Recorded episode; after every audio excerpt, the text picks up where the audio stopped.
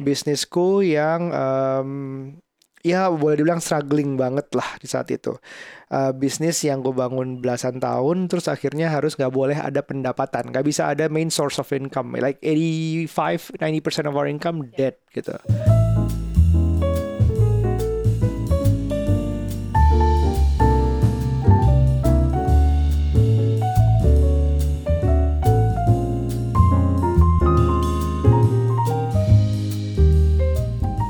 Hai Ibu. Halo Bapak, hai semuanya. Hai. Eh, ini episode kesekian. Gak penting banget aku cerita kayak gitu. Yang jelas kita udah hampir satu tahun menjalani semua ini di rumah saja. Aduh. Duh kalau mau ngingat-ngingat bukannya maksudnya mau mengingat-ingat untuk membuka luka ya, tapi justru ingin kita lebih bersyukur. Kenapa? Mhm. Eh, gue angkat episode ini Mhm.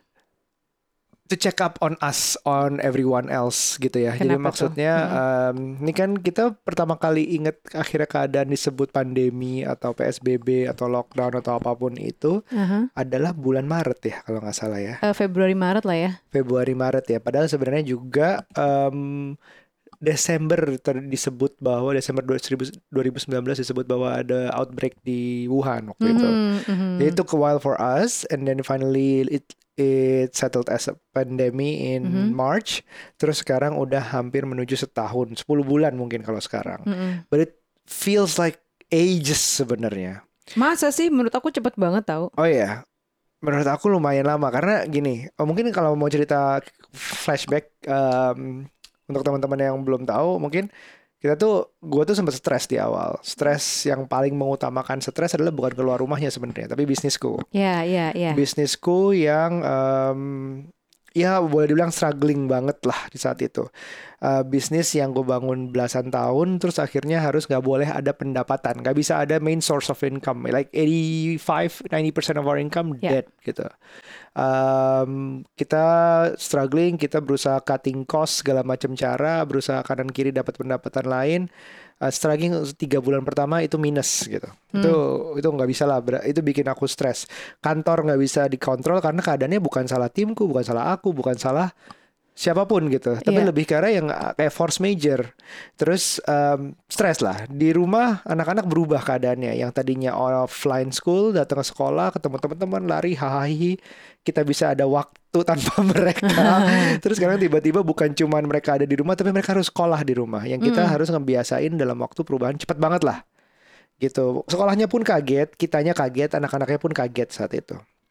Itu stres. Hmm. Salah satunya aku lari ke tanaman yang waktu itu bikin aku, oh bisa kontrol sesuatu lah. Oh ternyata disiram aja tumbuh toh. Oh ternyata yang ini taruh sini. Oh ini tanaman dalam, ini tanaman luar. Jadi aku merasa punya kontrol. Ini kan nggak waktu itu aku bu, I think we need to talk deh.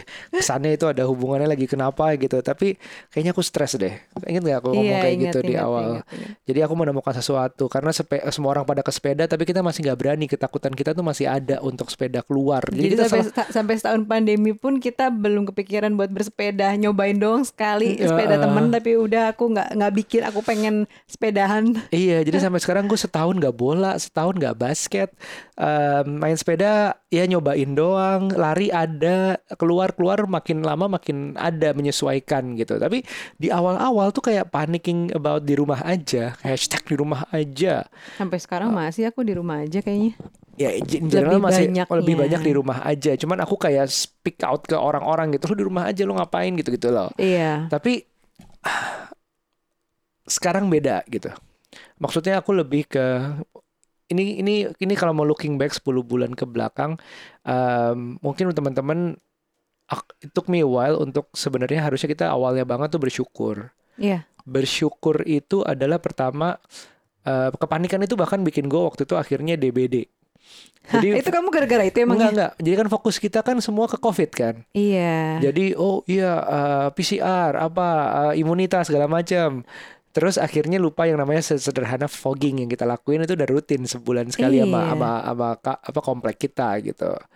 Terus em, itu lupa dan akhirnya DPD. Terus ya akhirnya ngerasa bersyukur tuh kita kita melupakan gitu. Walaupun kelihatannya kita tenang, cuman aku ngerasa em, iya ya harusnya bersyukur dulu. Gila kita kita survive sampai 10 bulan ini tanpa uh, ada yang masalah sakit serius selain DBD itu it's harusnya banyak sih masih banyak bersyukur. Pendapatan yang dari kantor mati tapi dari content creating masih ada itu juga harusnya bisa bersyukur. disyukuri. um, rumah masih ada itu masih ada itu harusnya bisa disyukuri. Karena bersyukur itu gue percaya banget adalah energi. Jadi kita menerima keadaan terus habis itu bisa move on itu harus bersyukur dulu di awalnya. Hmm, hmm, hmm. kamu dari awal apa yang beda di kamu? Apa bukan apa yang beda apa yang kamu rasakan di awal-awal banget waktu itu Kalau di awal sebenarnya takut aku Parno kalau sampai salah satu dari kita ada yang terinfeksi virus, Mm-mm. apalagi orang tua ya, itu sih yang paling aku takutin sampai sekarang masih sebenarnya. Cuman aku Hmm. berusaha sekarang ya udah eh, setidaknya udah lebih terencana, alias kalau misalnya amit-amit sampai ada yang kena, oh kita eh, apa namanya tuh kayak tata laksana nomor satunya seperti ini, nomor dua seperti ini. Jadi udah Mm-mm. tau lah kayak misalnya eh, dulu kan yang dipikirkan adalah paniknya gitu ya. Jadi beberapa Mm-mm. teman udah sempet eh, keluarganya kena juga klaster keluarga, klaster kantor dan di awal tuh pasti panik gitu. Nah, aku belajar dari dari pengalaman teman-temanku. Jadi mengurangi kepanikan. Jadi bukan sama sekali aku bilang jangan panik, enggak lah. Semua orang pasti panik. pasti Cuman mengurangi kepanikan. Jadi aku udah menyiapkan. Jadi kayak tas P3K aku sekarang gitu. Jadi ada satu Hmm. tas ya. Isinya tuh kayak eh, aku siapin udah ada maskernya sendiri, udah ada eh, termometer sendiri, udah ada spray dis- disinfektan dan, dan dan itu tuh biar gampang kalau once kita salah satu dari kita atau siapa gitu ya di antara kita Ah. yang kena, jadi kita harus misalnya isoman isolasi mandiri atau misalnya harus ke rumah sakit misalnya ya udah tinggal dibawa itu gitu sama suplemennya udah tahu yang mana jadi Hmm. mengurangi kepanikan-kepanikan itu dan tetap sih sebenarnya melatih aku aku percaya juga sih eh, sakit itu kan bukan cuman eh, masalah masalah di luar gitu ya tubuh kita fisik kita tapi dari pikiran kita juga once lo sakit nih badan lo yang sakit Iya. misalnya kena virus gitu ya tapi pikiran lo misalnya kebawa stres itu kan malah makin rontok tuh ya pertahanan tubuh Iya. kan jadi melatih eh, apa namanya train your mind untuk Iya. untuk lebih menerima dan itu merasakan kayak gitu sih karena awal-awal harus keluar banget kalau nggak Hmm. salah waktu itu ada ada ke rumah sakit apa? Eh ke mana kita ya? Kita awal-awal banget harus keluar pakai masker segala macam.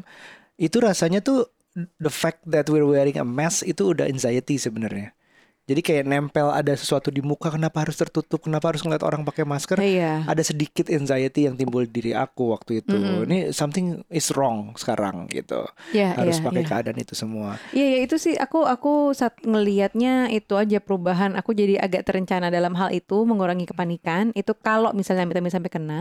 Tapi kalau sisi personal sebenarnya eh, aku merasa lebih bersyukur sih ada di rumah, masih bisa kerja dari rumah gitu ya, mendapat privilege Hmm. itu ya sekarang milih-milih. Jadi gini, aku juga berusaha nggak ngejudge orang yang kita kan suka ngelihatnya kemarin ini kan Iya, banyak iya, banget iya. yang keluar, yang liburan dan lain-lain. Eh, sekarang pikiranku bukan lagi, lih si ini kok liburan sih enak-enakan dia gitu-gitu ya. Mm-mm, mm-mm. Eh, tapi lebih ke ya udah choose your own battlefield. Jadi eh, sama dengan diri kita. Jadi tanpa menyibuk, tanpa sibuk mikirin orang lain gimana. eh, kita aku fokus cuman apa yang bisa kita kontrol. Iya. What, we can control gitu kan. Karena Iya. banyak sekali yang we cannot control yaitu orang lain mau ngapain liburan, mau eh, apa olahraga nggak pakai masker Iya, dan lain-lain gitu kan. Tapi ya udah, gue juga pick kok eh, gue memilih ada satu dua battlefield gue yang memang beresiko gitu ya. Ada satu kegiatan gue di luar rumah yang Hmm. mungkin beresiko gitu ya karena nggak di rumah Kerjaan dan misalnya. kayak kerjaan apa segala macam. Tapi gue minta misalnya persyaratannya, protokol kesehatannya harus gini gini gini. Terus tiap kali misalnya gue ke tempat tersebut, eh, gue akan pakai masker. Gue akan Hmm. bodo amat deh, terserah orang Iya. lainnya di sana gimana. Cuman gue pastikan mudah-mudahan mereka sehat dan gue sendiri tetap menjaga pakai masker walaupun dibilang kok kayak orang aneh sih misalnya kayak gitu-gitu ah lebay lo dan lain-lain tapi bodo amat ya Hmm. udah gue cuma bisa melakukan hal yang bisa dikontrol. Jadi milih eh, battlefield kita sendiri gitu. Iya iya. Dan dan dan aku mulai salah satu cara bersyukurku juga harusnya eh, dengan melihat yang sekitar gitu. Karena berusaha berempati berkondisi eh, dengan keadaan sekitar. Contoh misalnya mungkin aku mm, belagu banget. Aku minta maaf mungkin karena aku ber- berani banget bilang sok di rumah aja, di rumah aja, di rumah Hmm. aja tanpa memikirkan orang kondisinya seperti apa pertama. Eh gue nggak kebayang teman-teman mungkin yang ada di kos misalnya kosnya kecil Hmm. em, harus di situ terus selama 24 jam misalnya itu juga akan ya capek pasti capek Iya. plus resikonya juga masih ada karena satu satu ruangan satu gedung kos itu atau rumah kos itu Hmm. mungkin sekitarnya banyak juga yang yang keluar masuk gitu. Terus Hmm. tambahannya kalau pun nggak kalau nggak pun nggak ngekos punya rumah sendiri tapi berada dalam troubled relationship misalnya. Iya, iya. atau lebih parahnya lagi abusive misalnya. Itu aku nggak ngebayangin ke situ kenapa. Kadang-kadang mungkin em, masih lagi menemukan jalan orang di luar justru nggak di rumah aja dengan masalahnya selama tapi karena pandemi tiba-tiba harus di rumah aja dan ternyata lebih suffering. Itu bisa aja aku aku nggak per- aku di awal nggak mikir seperti itu. Battle orang tuh bisa beda-beda. Mhm. terus aku udah main ngejudge aja mungkin. "Oh, enak banget sih liburan enak banget sih itu. Siapa tahu dia liburan juga struggling with her own or his own things gitu. Aku nggak tahu. Jadi jadi eh, pick your own battle tuh yang Nucha bilang gue setuju banget. Eh, memang memang mungkin ada sesuatu di dia, mungkin apa, mungkin apa, we never know. Tapi kita nggak bisa kontrol. Kita nggak dengan bilang kita marah-marah apakah dia akan berubah nggak juga kan? Mhm. Kita bilang iya enaknya dia liburan terus terus kita japri dia ngapain sih lu masih liburan yang ada juga makin parah gitu nggak Ya, mungkin ya. hubungan kita baik-baik saja dengan kayak gitu tapi kita sendiri bisa mengontrol tindakan kita itu sih dasarnya Iya, dan eh, aku juga mengamati sih beberapa hal lainnya ya. Eh, kayak misalnya nih, sekarang aku ngerti bang, ini nih aku ngomong di sini jadi podcast ya. Jadi aku mengamati eh, setahun terakhir kan dalam kondisi pandemi ini banyak sekali orang yang punya eh, masalah dengan keuangan finansial gitu, dan Mm. sampai akhirnya nih tren eh, MLM nih jadi membludak banget Iya. gitu kan kayak semua aku bahkan punya satu pertemanan yang kita ngebahas soal MLM bukan dari sisi ngapain lo MLM tapi lebih kenapa ya kok kalau yang MLM kayak gitu gitu jadi bukan Hmm. bukan the object itself tapi lebih ke efek dari lo meng dari lo jadi sebagai anak MLM kok jadi kayak gitu ya? Karena aku ngerasa gini kenapa ya sekarang saat ini rasanya setelah semua orang eh, banyak banget MLM gitu ya macem-macem gitu kan eh, dari dari permaduan dari obat-obatan iya iya. dari eh, skincare dan lain-lain kok jadinya nih ini mohon maaf ya kok jadi kayak eh, menunjukkan angka-angka gitu Iya. ya. Dan dan dikonvert menjadi sebuah barang gitu loh. Kenapa ya semuanya jadi material gitu? Padahal tadinya tuh sosial media ini adalah tempat yang sangat fun. Eh, lo mau endorsement apa segala macem. Aku sering kok keracunan gitu ada barang-barang yang ternyata oh menarik juga nih kayaknya gue belum punya. Eh ini menarik juga ya kayak bisa dicoba nih dan lain-lain sehingga tertarik mau beli kayak gitu-gitu ya. Eh, ya ada ada keseruan tersendiri lah gitu untuk beli barang-barang itu. Cuman ketika ini udah ada embel-embel dengan eh, uang nominal tertentu ada yang ngerasa ada yang jadinya lebih tajir, ada yang biasa aja, ada yang terus das- di-convert dengan barang-barang gitu. Wah, ini bisa bisa buat beli handphone, ini bisa buat Iya, beli iya, apa. iya. Itu tuh kayak aduh, agak melelahkan ya sosial media ini ya di tengah tren-tren apa namanya badai MLM gitu. Aku sendiri juga daftar loh di beberapa MLM tapi memang buat konsumsi pribadi gitu nggak dia aku jual-jualin.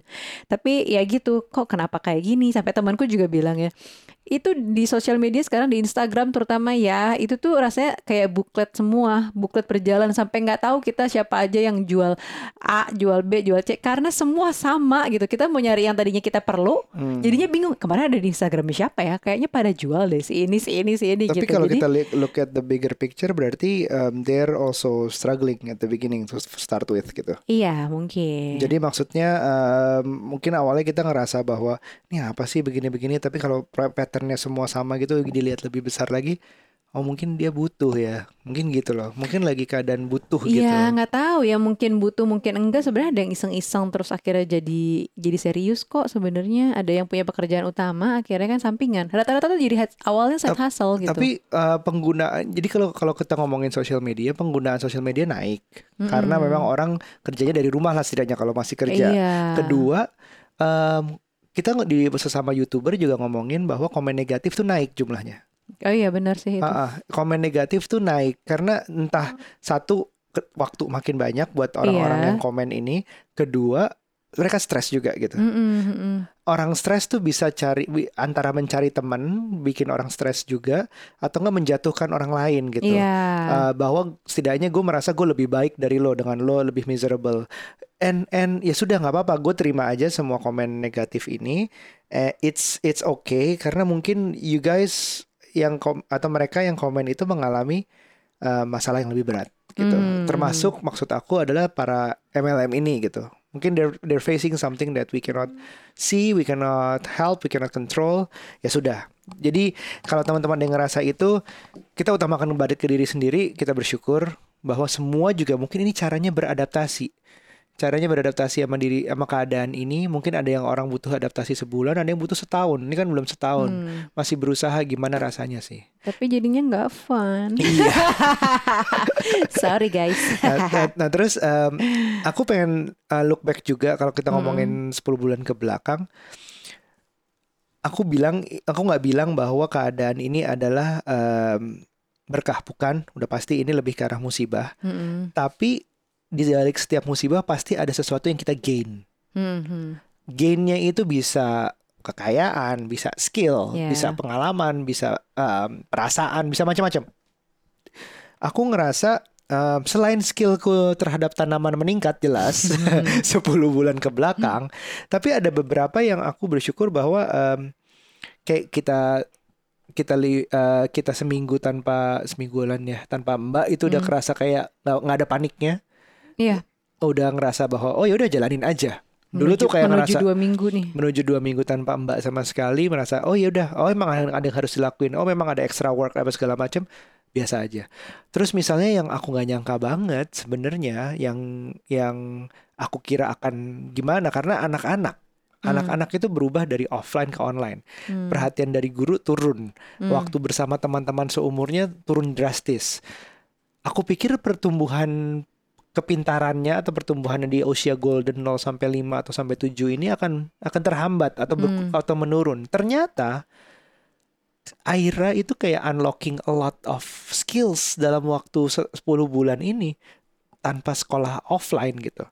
Misalnya dia tiba-tiba bisa siul dia bangga banget. Dia bisa naik sepeda roda dua dia bangga banget. Dia bisa berenang lebih jago dari aku dia bangga banget. Itu kayak wow.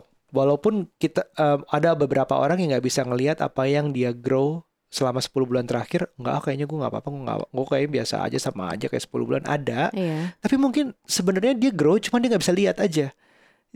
Kayak growth itu dikasih di sekitar kita juga. Hmm. Yang aku merasa bersyukur sekali dikasih ke kamu yang um, makin berkembang dengan parent talknya, Aira yang dengan segala macam skill itu, itu kayak oh iya, aku harus sadar, aku bersyukur bahwa di, dalam tanda kutip musibah atau bencana ini, anak-anak gue masih bisa grow. Mhm. Itu aku aku merinding sih setiap kali ngebayangin itu. Iya. It's iya a lot. sih. Ha, jadi aku menikmati sih di rumah sama anak-anak lebih banyak.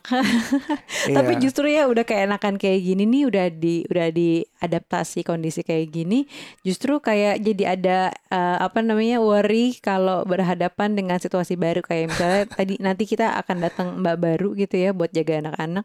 Tapi kayak di satu sisi ya di satu sisi kita butuh gitu ya buat nemenin anak-anak Iya. selama kita kerja, tapi di sisi lain kayak aduh gue nanti kebagi perhatiannya nih, maksudnya anak-anak kebagi perhatiannya karena udah ada mbak baru. Hmm. Terus aduh gue nya nih juga eh, sebenarnya gue udah menikmati banget nih eh, Hmm. quality time sama anak-anak. Iya. Sekarang jadinya bisa berkurang karena anak-anak udah ada yang megangin misalnya kayak gitu. Terus dan lain-lain lah dan problematika mbak-mbak Iya pasti ada lainnya. Jadi kayak Drama-drama. aduh agak malesnya tuh ada gitu. Sedikit tuh ada malesnya gitu. Sama kayak misalnya gini, kondisi misalnya udah membaik, udah nggak ada pandemi dan harus berkantor lagi setiap hari apakah gue siap ya gitu. Jadi kayak Iya. aduh. Aku tapi aku percaya the the next normal loh atau the new normal. Jadi maksudnya pandemi ini nggak akan dianggap akan hilang. Tapi kita yang Hmm. beradaptasi. Jadi kita yang divaksin misalnya, kita yang pakai masker terus walaupun dimaks atau 3M, 5M segala Hmm. macam itu it's just gonna be normal. Itu normalnya. Aku sih uh, berpatokannya seperti itu.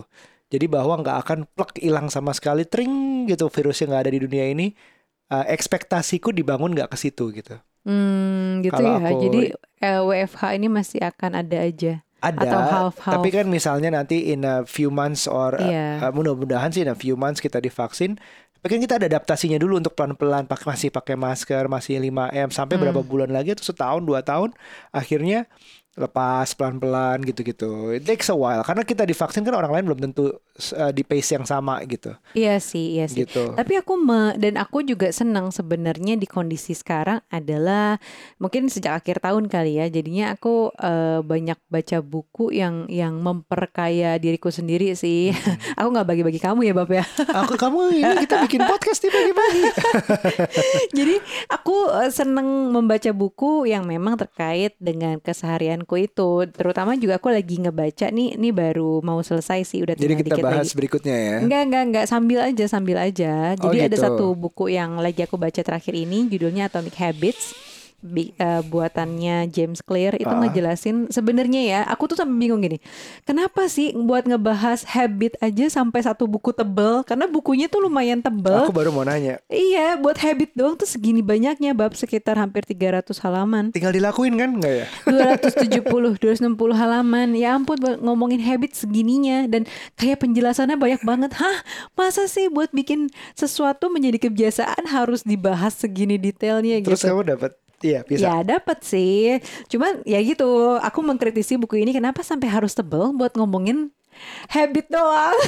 Tapi banyak yang bilang buku ini bagus-bagus. Mungkin gitu kamu isinya. belum sampai ujungnya kali. Mungkin terjawab nanti. Kali ya, kali. mungkin. Aku udah dikit lagi sih sebenarnya. Tapi ya itu pertanyaannya masih sama, Bab. Oh, masih Intinya sama. adalah kalau mau bikin habit. Nih dan dan dan dari awal aku baca buku Atomic Habit ini, aku pun langsung membuat satu eh, membuat sebuah kebiasaan baru yang Apa kecil. sih? Contohnya kan kayak start small, very very small. Iya, kalau gitu dia kan kan. start small banget. Nah, aku mencoba sejak baca buku ini adalah dengan kebiasaan pagiku tuh kan bangun tidur langsung main handphone ya, langsung Hmm. ngambil handphone sekedar buat ngeliat Instagram. Instagram, WhatsApp gitu ya. Hmm. Tapi aku udah pernah dengar juga sebenarnya dari kapan tahu ya. Udah coba kita bikin kebiasaan baru. Kalau Hmm. bangun tidur jangan langsung ke handphone, jangan mengisi eh, kepala kita dengan hal-hal di luar diri kita. Kan kayak Hmm. WhatsApp itu kan semua hal-hal di luar kita kan. Iya. Instagram, scrolling Instagram itu kan dari luar dari kita langsung kita masukin begitu kita buka mata. Itu tuh sebenarnya salah banget gitu. Kalau kita membiasakan kayak gitu. Hmm. Artinya kita membuka diri kita buat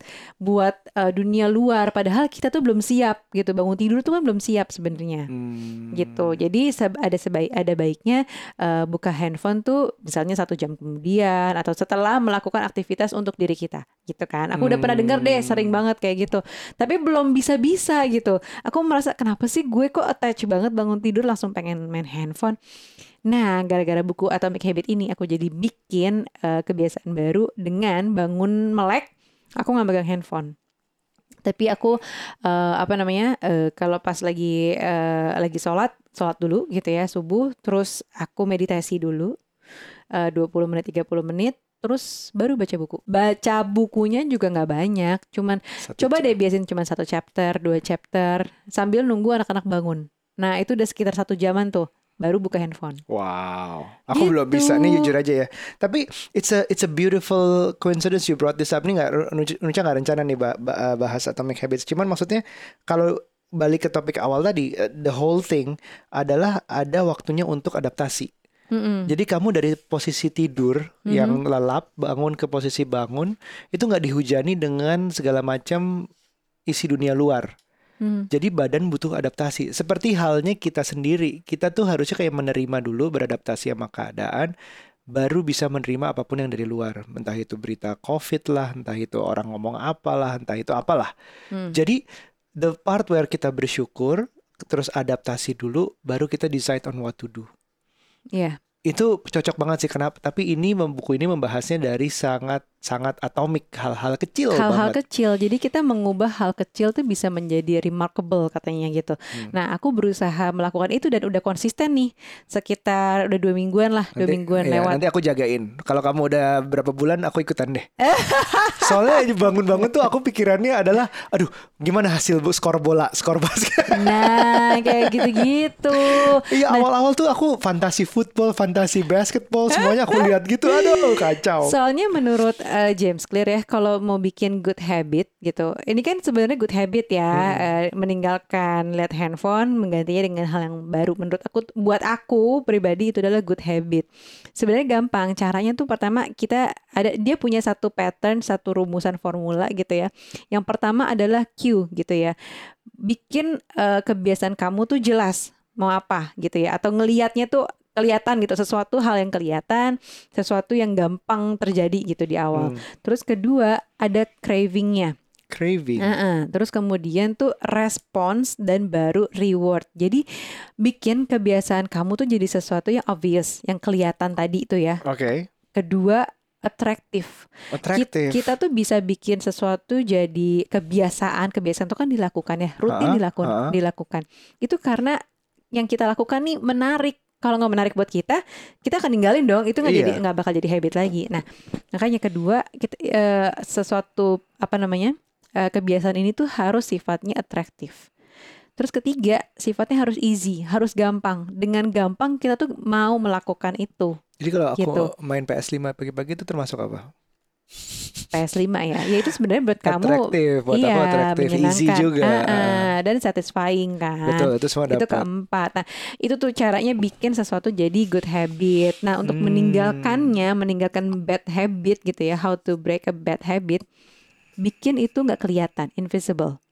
Jadi nih misalnya punya kamu ngerasa buka mata pagi bangun tidur langsung main handphone, It- itu kan sebenarnya bad habit. Iya. Bikin itu invisible dulu. Misalnya ngecharge uh, ngecharge-nya jauh dari tempat tidur kita terus apalah apalah misalnya gitu ya handphonenya dijauhin dari kita make it invisible nggak kelihatan kemudian bikin itu jadi sesuatu yang unattractive aku tahu apa handphone aku taruh di luar Uh-uh. tapi PS5 masukin kamar gimana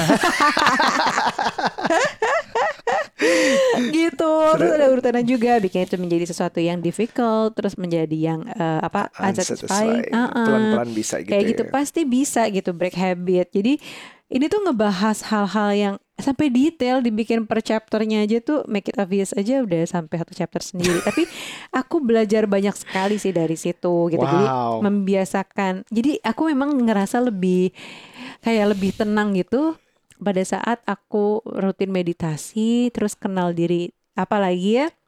Aku lagi dengerin eh, apa namanya dikirimin Presya apa eh, meditasinya dia mindfulness meditation gitu ya yang Mm-mm. fokus ke tubuh kita. Nah aku tuh eh, jadi lebih mengenal lagi lebih aware sama badan sendiri sih. Kalau misalnya badan gue dia nggak enak atau apa atau apa gitu loh. Ya, by the way update juga ya bahwa uh, tulang ekormu sepertinya sudah Iya, udah membaik ya tulang ekorku dan itu tau nggak? Ini aku nggak tahu juga sih, emang mungkin kebetulan aja kali ya. Tapi aku mencoba satu metodenya siapa aku lupa waktu pernah cerita yang eh, ada kejadian dia kecelakaan atau apa aku lupa ke ceritanya siapa tapi dia berusaha ya dia meditasi pada saat kondisinya entah bukan koma lah ya kondisinya dia habis kecelakaan itu di rumah sakit eh, kakinya patah atau apa dia tuh meditasi dan memvisualkan eh, Kakinya ya- kakinya sembuh. yang patah itu kayak nyambung atau gimana lah gitu Hmm. pokoknya permainan dari pikiran kita terus afirmasi diri kita gitu terus itu kakinya tuh bisa jadi sembuh iya lebih Gitu, mempercepat lebih ilmu. mempercepat Uh, uh, prosesnya. Karena karena beberapa ilmu juga um, melihat bahwa badan itu punya kemampuan menyembuhkan ada gitu. iya self healing ya Iya, tinggal tinggal tergantung kita dalam state seperti apa. Kalau nggak salah yang dibilang chiropractor waktu itu adalah um, chiropractor itu nggak menyembuhkan penyakit, tapi Iya. mengembalikan badan ke posisi optimal gitu untuk menyembuhkan penyakitnya sendiri. Jadi badan itu punya Oh. kemampuan untuk Hmm. self healing. Bahkan kita ke cut aja sebenarnya asal nggak infeksi nggak apa kan cut juga nutup sendiri Iya, kan potongan benar-benar. tangan gitu. Jadi kayak uh, meditasi itu mengumpulkan tenaga untuk badan menyembuhkan dirinya sendiri. Iya, dan aku mencoba itu buat ditolong ekorku loh. Jadi selama Hmm. tiap hari aku meditasi tuh dan Mikirin itu. mindfulness eh, ke tubuh sendiri, aku mencoba menyapa si tulang ekor, aku membayangkan retaknya tulang ekor itu jadi uh, menya, apa namanya membaik kayak Hmm. gitu-gitu. Tapi kita tetap eh, ini hati-hati ya. Maksudnya aku kita bukan menyarankan untuk tidak ke dokter segala Enggak macam. kok kita udah ketiga medis dokter. medis juga dilakukan tiga dokter ya tolong. Heeh, jadi udah ke mana-mana dan jadi eh, ya memang dokter terakhir yang kita percaya itu jawabannya adalah eh, eh, tulang ek- ekor ini kan tulang rawan dia akan self healing nggak bisa diapa-apain Eh, ya udah gitu asal kita tidak mem- aku nggak membebani eh, tulang ekor duduknya bla bla bla pokoknya ada posisi-posisi tertentu lah aku tetap mengikuti itu dan sambil mengafirmasi sih dalam meditasiku Jadi untuk jadi itu ronsen itu ada gunanya untuk kamu memvisualisasi Betul. bentuknya tuh seperti apa sih ah, ah, gitu. yang retak tuh gimana sih karena kita nggak tahu kan bayangan retak tuh Iya. kayak apa di tulang Jadi medis ekor. tuh juga perlu, medis tuh juga perlu Iya. dan um, ngobrol ke diri sendiri meditasi itu juga membantu sepertinya. Iya, iya, iya, iya. Dan Gitu. aku jadi kayak senang banget sih dengan gara-gara buku ini. Itu baru satu, baru satu bad habit yang aku buat ya. Hmm. Jadi break eh, apa namanya bad habitku ngeliat handphone. dan nggak ada obat sama sekali yang masuk ke badan kamu ya, Enggak, hebat ya. enggak ada. Jadi Hmm. bener-bener ini aja, bener-bener apa namanya gara-gara atomic habitnya jadi realize Hmm. banyak hal dan ya udah aku sih So- pengen, aku penasaran juga pengen ada eh, apa namanya habit-habit baru lainnya sih. Iya, tapi harus se- seperti kata buku harus bertahap kecil-kecil ya. Iya kayak atomik gitu. Atomik tau kan? Iya tahu tahu, atom, nggak kelihatan malah Nggak atom. kelihatan. Anyways, um, jadi the whole thing about this podcast is for us to be grateful, for us to feel the adaptation, bahwa kita butuh adaptasi, dan terakhir adalah uh, bahwa kita itu bisa melihat to the in the bigger picture. Sebenarnya kita itu grow. Mm-mm. Everyone is growing. Probably you can't see it, tapi mungkin dari atomic habits dari yang kecil-kecil kamu bisa melihat bahwa dirimu tuh sebenarnya ada dong pasti bertumbuhnya. Gitu. Iya, betul. Alright, um, Oke. semoga um, nggak ada lagi podcast kayak gini ngebahas 10 bulan yang pandemi ke depan lagi. Semoga pandeminya udah lebih lebih menjadi the next normal. It is what it is, and hopefully we can learn from all everything. So, um, see you in the next episode. Oke, Bye. bye.